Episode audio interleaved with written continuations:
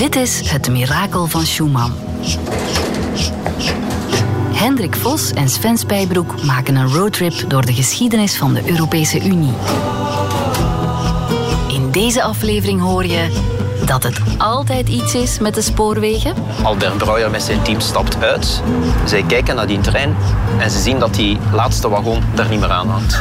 Wacht, die wagon met het verdrag. Dat sommige politici bananen haten. Encore un mot sur les bananes et je quitte. En het best bewaarde geheim over de oprichting van Europa. Verdragen van Rome, dat is eigenlijk een, een dik boek waar niets in staat.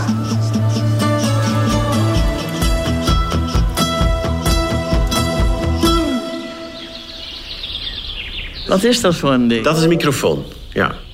En dat moet zo dichtbij zijn. We hebben vandaag afgesproken met iemand in de buurt van Brussel bij kasteel Hertoginnedal. Een ongelooflijk, bijna paleis. Oh ja. En de vrouw die we daar ontmoeten is getuige geweest van een van de cruciale momenten in de geschiedenis van de Europese eenmaking. En u bent de man van de sound. Ik ben ook radiomaker, maar ik zit hier om met u te praten. Ik heet Sven Spijbroek. Ja, dat weet ik. En dit is Hendrik. Hendrik kent iedereen door zijn haar. Ja, dat, ja, dat is waar. En dat ook is zo. door wat hij brengt als eh, politoloog. Want hij is denk ik de enige die doet wat hij doet in Vlaanderen. Er zijn er niet zoveel, altijd dat is over, waar. over Europa en nooit iemand anders. Nee, nee, dat is waar. Hij zal straks handtekeningen uitdelen ook. Ja. Maar u volgt Hendrik zijn werk dus, als ik het goed begrijp. Ik, ik zie hem in de afspraak of in dat andere ding. Dat er, ik heb nooit begrepen het verschil tussen dat ene en dat andere. Ter zake, en dan is het Ter zake. Ja. Ja. En daar verandert het altijd de ene vrouw of de andere vrouw. En waarom, dat begrijpt ook niemand. Waarom je pas de ene hebt en dan heb je weer de andere.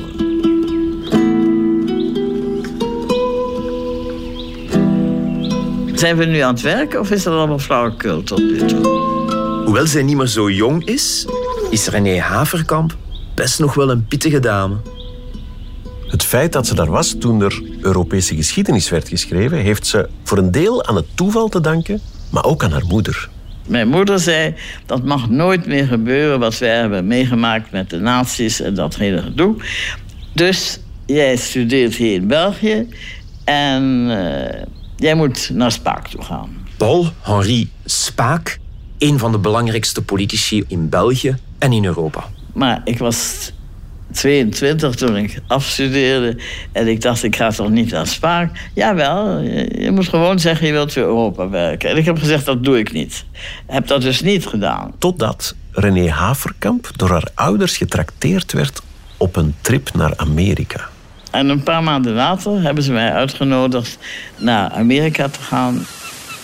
En op de boot de Liberté zag ik plotseling mijn moeder weer aankomen en zegt: ah, je, je triomphe. Est-ce que tu sais qui est sur le bateau? Paul-Henri Spaak. En nu kun je niet nee zeggen. Die was daar toevallig op die boot. Helemaal toevallig. Ja. Dat was een soort recompense voor mijn studies en alles. En toen zei mijn moeder, nu kun je niet nee zeggen. En dan ben ik naar hem toe gegaan. En toen zei hij, ah, het kan niet beter dan dat. U heeft filologie gestuurd. Dus uw Engels is behoorlijk. Want ik ga naar Amerika omdat ik in België in de oppositie ben. Ik ben hier niks meer waard. Dus heb ik aangenomen een job bij UNICEF. I was appointed yesterday. Als u wilt werken met mij, dan blijft u daar. Ik moet terug meteen weer naar België. I shall take up my duty probably in the course of next May. Maar ik zal u introduce. U zult een bureau krijgen en dan moet u voorbereiden. I think that the work is very important. En toen eh, ben ik dus bij UNICEF gaan werken. En ben met hem begonnen overal naartoe te reizen. Want hij sprak geen taal. Hij was de hele oorlog in Engeland, maar sprak nog steeds geen Engels. En hij woonde ergens en hij zei... Ik kan, kom dan nooit, ik neem een taxi en die brengt me nooit naar huis. Ik zeg, hoe, hoe kan dat? Zegt hij, ja, dat is Eton Square. En als ik Eton Square zeg, verstaat de taxi me niet. Dus ik ben nooit thuisgekomen. Hij sprak geen Duits, geen Engels, geen Nederlands, niks. Dus ik werkte overal zonder te weten wat tolken was. Dat is voordat ik ooit een tolk werd. Maar na vijf of zes reizen hebben ze hem eruit gesmeten. Want hij sprak meer en meer over Europa dan over UNICEF. het idee was dat hij een kwartier maar over Europa mocht spreken en een half uur over UNICEF. En meer en meer werd het een half uur Europa en misschien tien minuten UNICEF. hebben eruit, hij is werkelijk eruit gesmeten, dus oud met Spaak. Spaak werkte niet meer voor UNICEF, maar René Haverkamp werkte wel nog voor Spaak. Het is een prachtig park, hè? En Spaak die was op dat moment bezig met een nieuw project. Die wilde de eenmaking van Europa verder zetten en wilde onderhandelen over de oprichting van een Europese economische gemeenschap, de EEG. En die onderhandelingen die werden gevoerd in uh, Val Duchesse. In het Nederlands is dat het kasteel van Hertoginnendal. De eerste keer dat u hier kwam als jonge vrouw, neem ik aan. Wanneer was dat? 56. 56. En dat was toen de onderhandelingen hier begonnen. Zij is de laatste die kan getuigen over de onderhandelingen die hier in Hertoginnendal in 1956, 1957 hebben plaatsgevonden over de oprichting van de Europese Economische Gemeenschap, de EEG. Stonden de journalisten toen aan de poort? Hier, hier. Hier, die mochten tot tegen het kasteel ja, komen. Ja, ja, ja. Oh. Die waren overal. En die wilden de hele tijd weten wat er gezegd werd. En, ja. De EGKS, de Europese Gemeenschap voor eh, Kolen en Staal, die was aan het functioneren. Kolen en staal werden samen beheerd. Maar het plan leefde nu om Europa verder één te maken. Om één grote supermarkt te vormen waarbij de barrières op een dag zouden verdwijnen. Waarbij dat er één handelspolitiek zou gevoerd worden. Allemaal samen afspraken maken met de rest van de wereld. En binnen Europa zorgen voor vrije handel. Dat was de bedoeling. Dus dat was de ingang. Mhm. Dus hier kwamen al die auto's voor de deur staan. Van al die gedelegeerden van heel Europa. En het was een hele, hele aangename atmosfeer, omdat het zo mooi was. Het was heel, heel, heel erg druk. Als je werkelijk begint om negen uur... en dan ging iedereen ergens eten, dan ging ik ook naar huis. En dan kwam je weer terug. En dan begon je weer en dan daarna nog een diner. Dus het was werkelijk zo dat niemand tijd had voor iets anders. Het was geen privéleven meer mogelijk, echt waar. René was een van de weinige vrouwen die er was. Ze werkte namelijk als tolk. Het was consecutief. Dus dat is het nobele tolken. Nu kent u waarschijnlijk alleen simultaan. Maar dat is niet eens moeilijk en het is ook niet verbluffend. Maar consecutief, dan moet je werkelijk weten wat je doet. Als iemand twintig minuten spreekt, de anderen hebben niks begrepen, dat iedereen begrijpt wat het message is. Wat werd daar bedoeld? Maanden en maanden werd er hier onderhandeld over wat het verdrag van Rome zou worden. De Fransen die wilden de landbouw beschermen, de Nederlanders die wilden zo vrij mogelijk handelen, de Duitsers die vonden de industrie belangrijk. En ja, dat waren ferme discussies. Zij zaten zo, zo, zo, zo. In een vierkant. En in het midden een tafeltje met mijn Duitse collega en met mij. En er waren dus twee commissies. Eén voor uh, gemeenschappelijke markt en de andere voor Euratom. En de Fransen waren helemaal niet geïnteresseerd in de marché commun. Alleen maar in atoomenergie. Dat waren best intelligente mensen daar aan de tafel, maar ze verstonden elkaar niet. De ene sprak Frans, maar geen Duits, de andere Italiaans, maar geen Frans. En daarom was die rol van René Haverkamp zo belangrijk. U was er ook bij tijdens die diners dan? Of? Ja, ja, want dan hadden ze natuurlijk ook weer iemand nodig. Dat waren dezelfde mensen. Ik was er altijd bij. Ik zei, ik ging om twaalf uur naar huis. Tot ik werkelijk ziek werd, want het was te veel. Ik had dat niet zo moeten doen, maar het was spannend, het was interessant. Het was een avontuur, het was een echt avontuur. En ik ben blij dat het nog net zo mooi gebleven is. Was Spaker altijd bij? Nee, die was de president van het geheel. En die kwam af en toe als het slecht ging. Bijvoorbeeld hadden we een verschrikkelijk, werkelijk dispute met elkaar over bananen. En de Fransen wilden importeren de bananen die trouwens beter zijn dan die die de Duitsers wilden. De Duitsers wilden uit Latijns-Amerika en de Fransen uit Afrika. En dat was heel, heel erg. En toen is Spaak aangekomen, is hier gaan zitten en zei encore un mot sur les bananes et je quitte.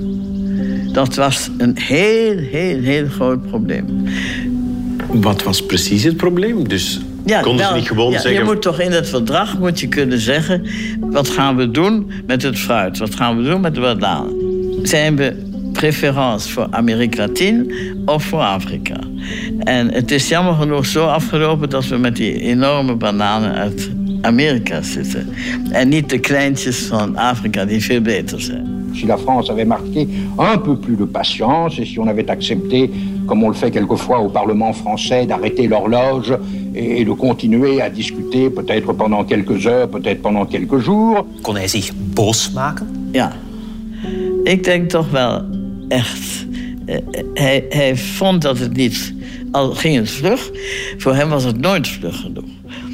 Je begint met de kolen en staal en dan de economie, dan de politiek. Hij wilde steeds verder gaan. Ik probeer het mij voor te stellen bij zo'n onderhandeling hier. Als het een beetje moeilijk gaat, dan zou je denken... de Franse, de Duitse premier, die gaan even buiten wandelen. Maar dan nog moesten de tolken mee. In die tijd wel, Ja. omdat ze elkaar niet konden begrijpen. Nu is het Macron en Merkel kunnen met elkaar spreken. Ja. Dat is een enorm verschil. Maar mag ik u ook eens iets vragen? Waarom interesseert u zich voor Europa?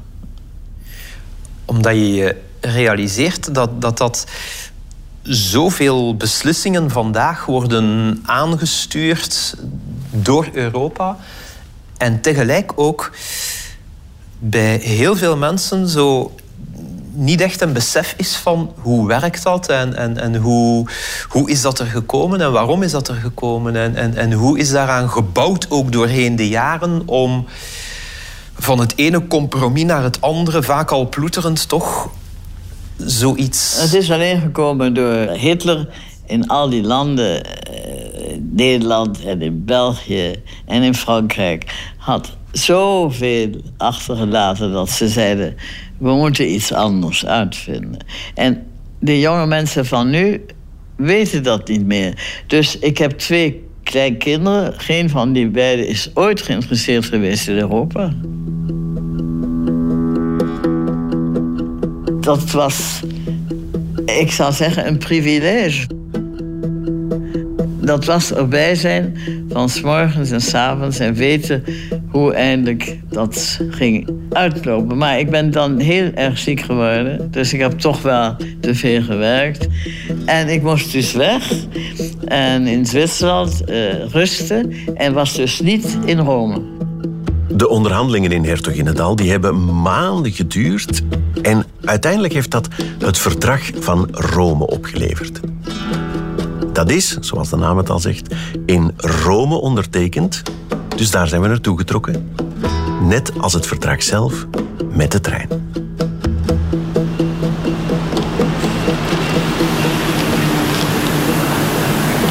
b en 9D.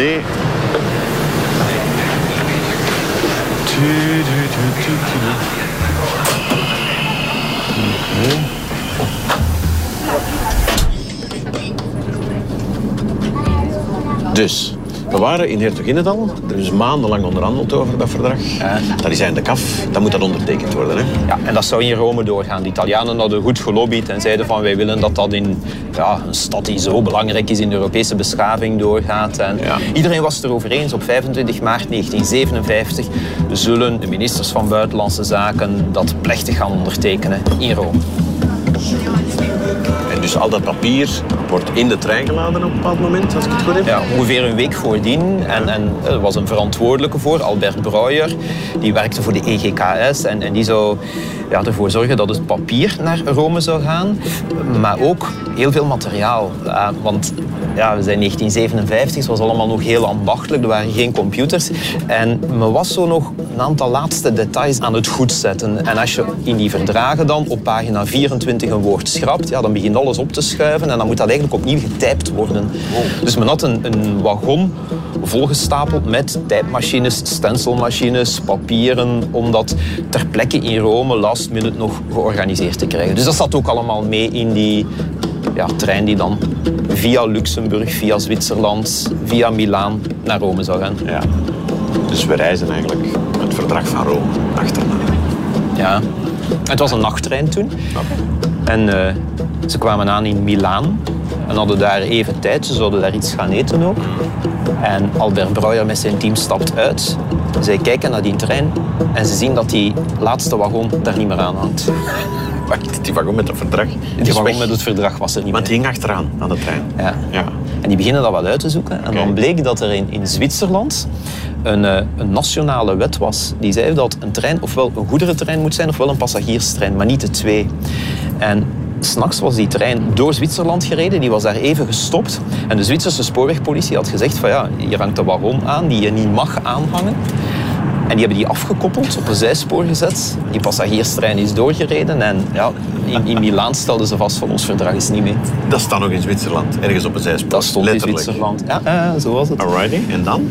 Ze hebben gebeld naar de Zwitsers. Kunt je die wagon nog sturen? Heb Ja, je nog een locomotief? Precies, en dat is ook gebeurd. Echt waar? Ja, ja. En, en paar uur later in Milaan konden ze dan hun wagon Terug gaan ophalen, weer gaan aankoppelen en konden ze Ja. En dan verder naar. Rome. Ja. Maar de miserie was daar niet afgelopen. Hoor. Albert Breuer was de man die verantwoordelijk was voor de treinreis met al die documenten. Zijn dochter Jacqueline vertelt hoe het dan verder ging. Ils arrivent à Rome et euh, les équipes se mettent immédiatement au travail pour faire les dernières corrections encore hein, dans le palais du Capitole. C'est une salle qui s'appelle la salle des Horaces et des Curias. Et c'est vraiment, les, les murs sont couverts de chefs-d'œuvre de la Renaissance italienne. D'ailleurs, je suis allée la voir il y a euh, cinq ans euh, par curiosité et c'est vraiment, c'est impressionnant. hein. Alors bon, euh, on travaillait, euh, mon père racontait que les secrétaires, ils se mettaient tout de suite au travail, ils travaillaient. Et le soir, ju- jusque tard dans la nuit, ils travaillaient. Hein. Ils laissaient les stencils, c'était des sortes de matrices pour imprimer, pas ancrer. Ils ont déposé tout ça, ils ont mis une bâche par terre sur ce beau sol précieux. Et euh, ils ont mis ces stencils qui...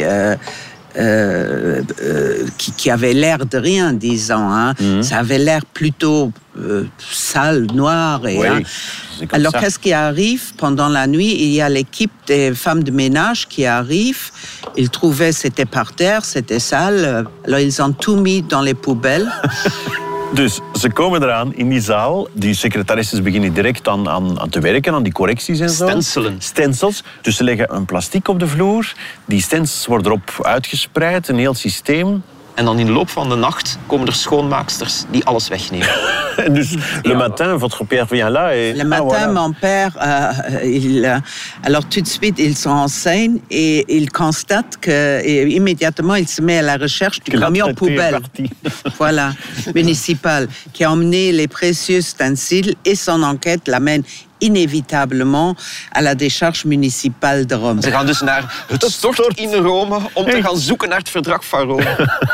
Oké. Waar ze jaren over onderhandeld hadden dan. Incroyable. Mais essayez de retrouver une aiguille dans une botte de foin, hein, Ouais, c'est- presque impossible. pas hè? possible. Een Non, c'est speld in een impossible. hooiberg hein. zoeken is dat. Mais, mais mon père, loin de se laisser démonter, il réagit en, en engageant un tas d'étudiants qui aidaient alors les secrétaires à refaire les textes, Tous ces les textes écrire. Voilà. dont on a travaillé depuis un an à Val-Duchesse, voilà. il fallait les Les refaire. euh, parce qu'on était à quelques jours de la signature. hein. Ze zaten dus enkele dagen voor de ondertekeningsplechtigheid. En dan hebben ze studenten opgetrommeld om dan samen met die functionarissen eigenlijk het verdrag opnieuw te typen. Dus een verdrag waar ze een jaar lang aan gewerkt hebben in Hertoginnendaal.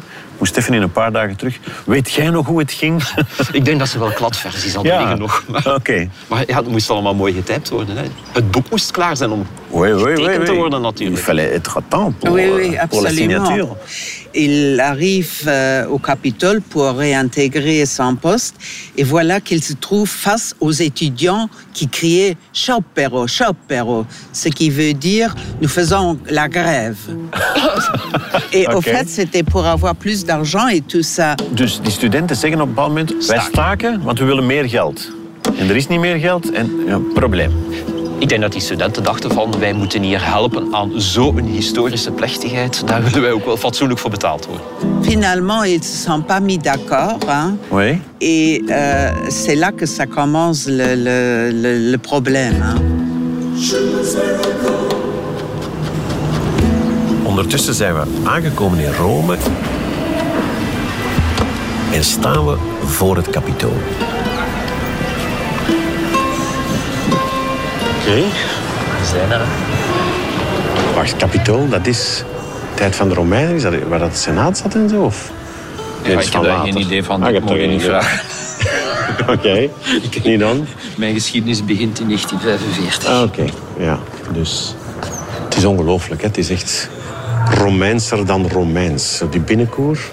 Het is tegen dit decor dat de verdragen van Rome moesten hier ondertekend worden. In, in- als Europa één zou worden, dan moest het hier bezegeld worden. Ja. En wacht, wie was er dan hier om dat te komen ondertekenen? Eh, De ministers van Buitenlandse Zaken zijn naar hier gekomen. En ook de hoofdonderhandelaars. Dat waren diplomaten of, of hoge ambtenaren. En die hadden daar zoveel tijd en werk in gestoken...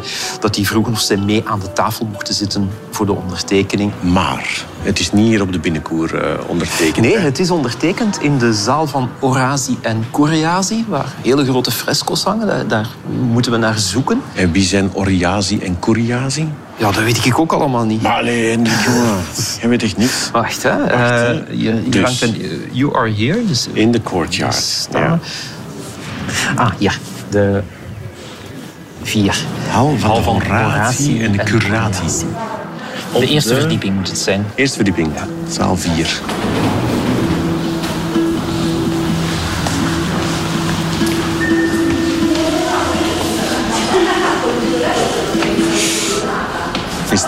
Ik denk het wel, ja. Ja. Oh, kijk, Man, man, wat man. beelden. Die fresco's, ja.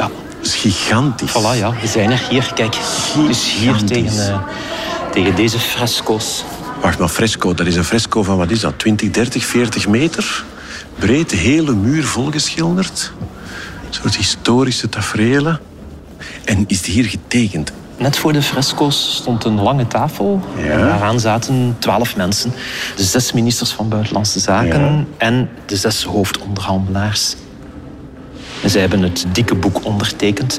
En hier, vooraan in de zaal, zaten eh, ja, een aantal toeschouwers.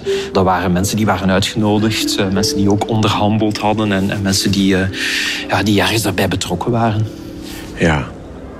Dus ik probeer het mij voor te stellen. Lange tafel hier. Allemaal dikke pakken papier. Iedereen een chique pen. Camera's er rond. Is er iets speecht of zo? Heeft iemand iets? Paul-Henri Spaak heeft hier een, eh, een inleidende speech gehouden. Hij had de onderhandelingen geleid. Minister Spaak. Je voudrais essayer de modérer ma joie et de limiter mon enthousiasme, fondé cependant sur ma conviction et mon espoir. Aucun endroit ne pouvait mieux convenir que la ville éternelle pour être le précieux témoin de nos espoirs. Rome, qui a la vocation de l'universel, devait être le seuil de l'Europe. Savourons un moment de triomphe au Capitole, sans oublier la phrase que les esclaves murmuraient aux généraux vainqueurs Souviens-toi que tu es mortel. Dans la fragilité humaine et dans le succès de cette grande entreprise, dans cette heure apaisée et heureuse, tâchons de léguer au futur la source d'inspiration que nous puisons dans l'immortel passé.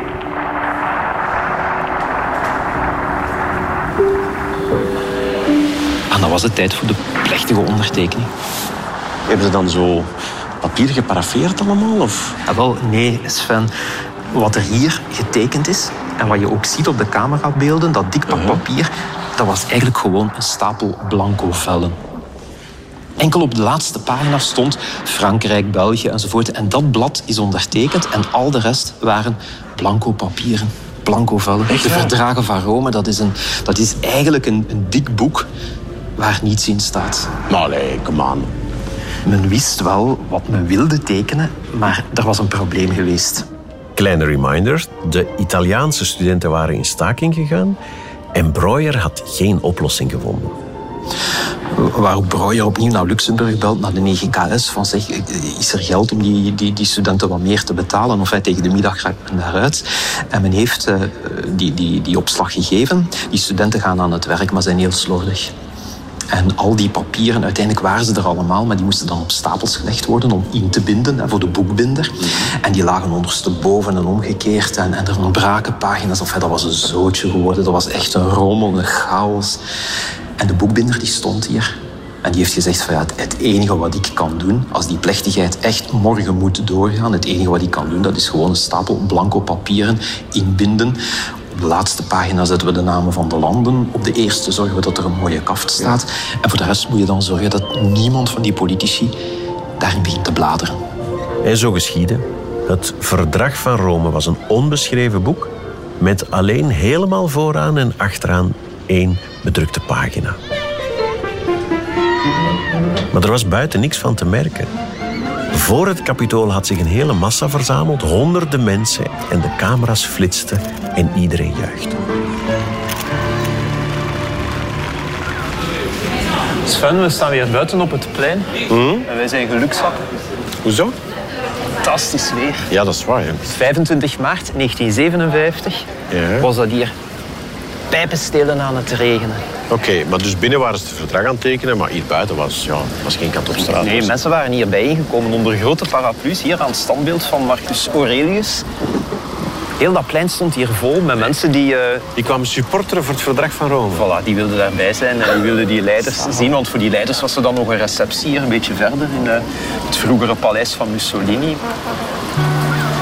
Heel Rome hing vol met affiches. De kinderen moesten ook niet naar school die dag, het was een maandag. Mensen wisten dat en die kwamen dan samen voor... Om het eh, te vieren, om erbij te zijn. Zou jij daarvoor afkomen, voor de ondertekening van een verdrag? Maar wel eerlijk gezegd, Allee, kom aan, ze dat ooit in, in, in gaan staan uh, joelen zo met spandoeken? Nee, toch? de klokken luiden ook allemaal in Rome op hetzelfde moment.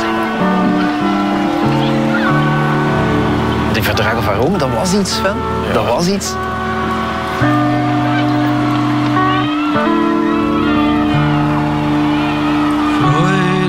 Schöner Götterfunken, Tochter aus Elysium. Wir betreten feuertrunken, himmlische dein Heiligtum. Dit was de tweede aflevering van Het Mirakel van Schumann. Een podcast van Radio 1 in samenwerking met het Europees Parlement. Meer van de roadtrip van Sven en Hendrik op radio1.be en in de Radio 1-app. In de volgende aflevering van Het Mirakel van Schumann gaan Sven en Hendrik van Chichazel naar Luxemburg, Straatsburg en Schengen. En vertellen ze waarom Europa één markt moest worden. Die gast steekt zijn arm omhoog en stopt een voertuig van een wielerploeg. Festina toch niet? Festina. Ja. Die verzorger die betrapt werd met zijn koffer vol met wat is dat man? Tom Weg, die ontdekt er al die flesjes en die dingetjes in. En daar is dat Festina-schandaal begonnen. Vond je deze podcast interessant? Luister dan zeker ook naar Het Geheugen van de Mug. Een podcast met historische verhalen die de geschiedenisboeken nooit hebben gehaald, maar te leuk zijn om niet te vertellen.